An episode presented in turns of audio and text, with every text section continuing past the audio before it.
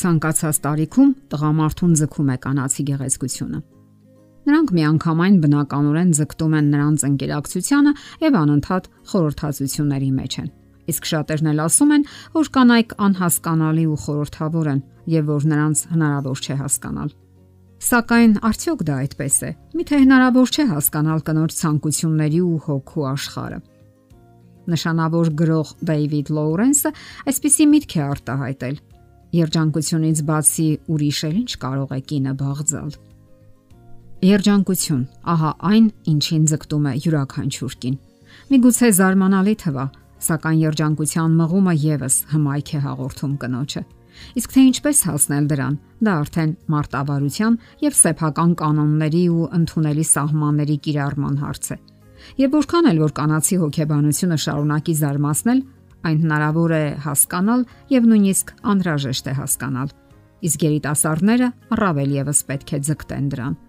Ահա թե ինչու առավել քան տարօրինակ է, որ կանայք հաճախ են բռնության ենթարկվում հենց այդ ցանկության համար։ Նրանք ընտանեկան արժեքների պահապաններ են եւ ձգտում են երջանկացնել թե իրենց եւ թե ընտանիքի մյուս անդամներին։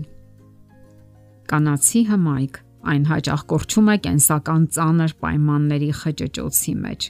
Այդ հմայքը խաթարվում է մանկության ժամանակ կրած վիրավորանքների, սեռական բռնության եւ ուժի կիրառման արդյունքում։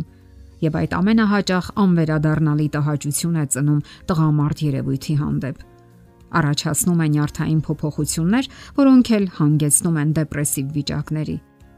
Եվ կանայք որ ստեղծված են քնքշություն ու բարություն տարածելու համար, դառնում են դյուրագրգիռ ու բարկացկոտ։ Կյանքից հիասթափված ու անվստահ։ Այդ ամենի արդյունքում նրանց մոտ հայտնվում է հուսալքության, բարկության ու ինքնամեղադրանքի, արժանապատվության կորստի զգացում։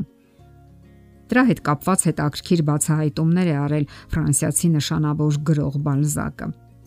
Այդ սոսկալի գիշերվա ընթացքում Դժբախտությունը նրան տվեց այդ հլու եւ համբերատար համակերպվածությունը, որն իր տարողունակությամբ մայրերի, ինչպես նաեւ սիրող կանանց մոտ գերազանցում է մարդկային ուժը։ Եվ գուցե բացահայտում է կանանց սրտում այնպիսի լարերի գոյություն, որ Աստված մերժել է տալ տղամարդուն։ Այս տողերը գնդակ խաղացող կատվի վաճառատունը ստեղծագործությունից էին։ Ուրախություն Մարդկային էության այս որակը անժխտելիորեն կանացիություն է հաղորդում աղջկան։ Երիտասարդներն իհարկե սովորաբար ուրախ են, կենսուրախ ու պայծառ։ Այդ որակն օգնում է նրանց նոր ընկերակցություններ գտնելու եւ նոր հարաբերություններ հաստատելու։ Նրանց պրպտուն միտքը նորանոր հանդիպումներ, հարաբերություններ ու արկածներ է որոնում։ Ուրախությունը նպաստում է երիտասարդական ուժի ու երանդի առույգության ու էներգիայի դրսևորմանը եւ միևնույն ժամանակ ուրախությունը նման է կախարդական մագնիսի։ Այն դեպի իրեն է ձգում մարդկանց եւ ստեղծում դրական մտնոլորտ։ Բոլորի համար էլ հաճելի է շփվել ուրախ ու պայծառ անznավորության հետ։ Բացի այն, որ ուրախությունը նպաստում է անկեղծության ու սիրո մտնոլորտին, այն նաև բարերար է ազդում առողջության վրա։ Ուրախությունն ունի բուժարար ազդեցություն ու նաև բարելավում է իմունային համակարգը։ Լավատեսությունը նույնպես առանձնահատուկ հմայք է հաղորդում կնոջը կամ աղջկան։ Լավատեսությունը կյանքի հանդեպ դրական տրամադրվածությունն է, ապագայի հույսը եւ դրանով ապրելը։ Լավատես մարդիկ ամեն հնարավոր առիթից չեն ընկնում բացասական մտքերի ու տրամադրության մեջ եւ դա փոխանցում ուրիշներին։ Հենց այդ փոխանցումից էլ զգուշանում են կողքինները, հատկապես տղաները, Վատատես մարդիկ հենց այդ հոգին էլ փոխանցում են եւ փչացնում մարդկանց տրամադրությունն ու հարաբերությունները։ Հարկավոր է լինել ուրախ ու պայծառ։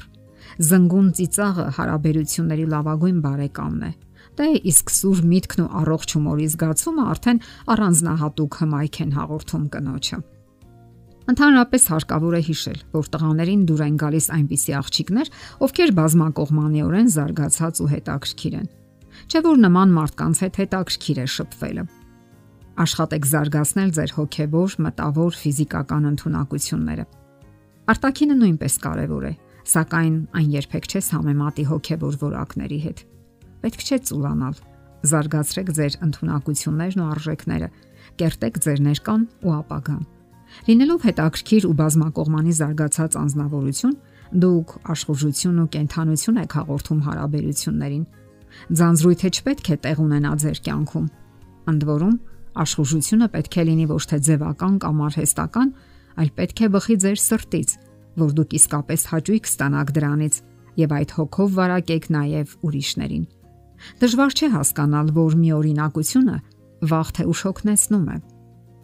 Հաղորդման ավարտին կարդանք Ռեմարկի 3 ընկեր ստեղծագործությունից մի գեղեցիկ հատված։ Այն երջանկության ու սիրո հետաքրքիր նկարագրություն է։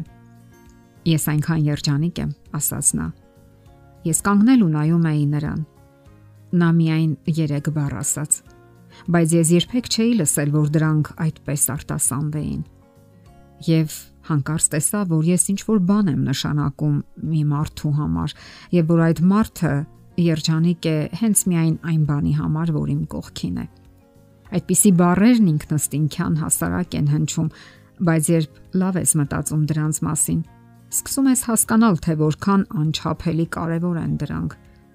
Դա կարող է մի ամբողջ փոթորիկ բարձրացնել մարդու հոգում եւ հիմնահատակ վերափոխել նրան։ Դա սերն է, բայց եւ այնպես էլի ինչ որ ուրիշ բան։ Ինչ որ բան, հանուն որի արժե ապրել։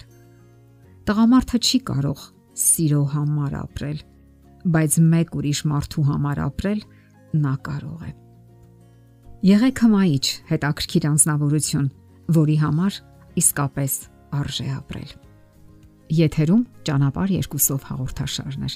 Ձեզ հետ է Գեղեցիկ Մարտիրոսյանը։ Հարցերի եւ առաջարկությունների համար զանգահարել 033 87 87 87 հեռախոսահամարով։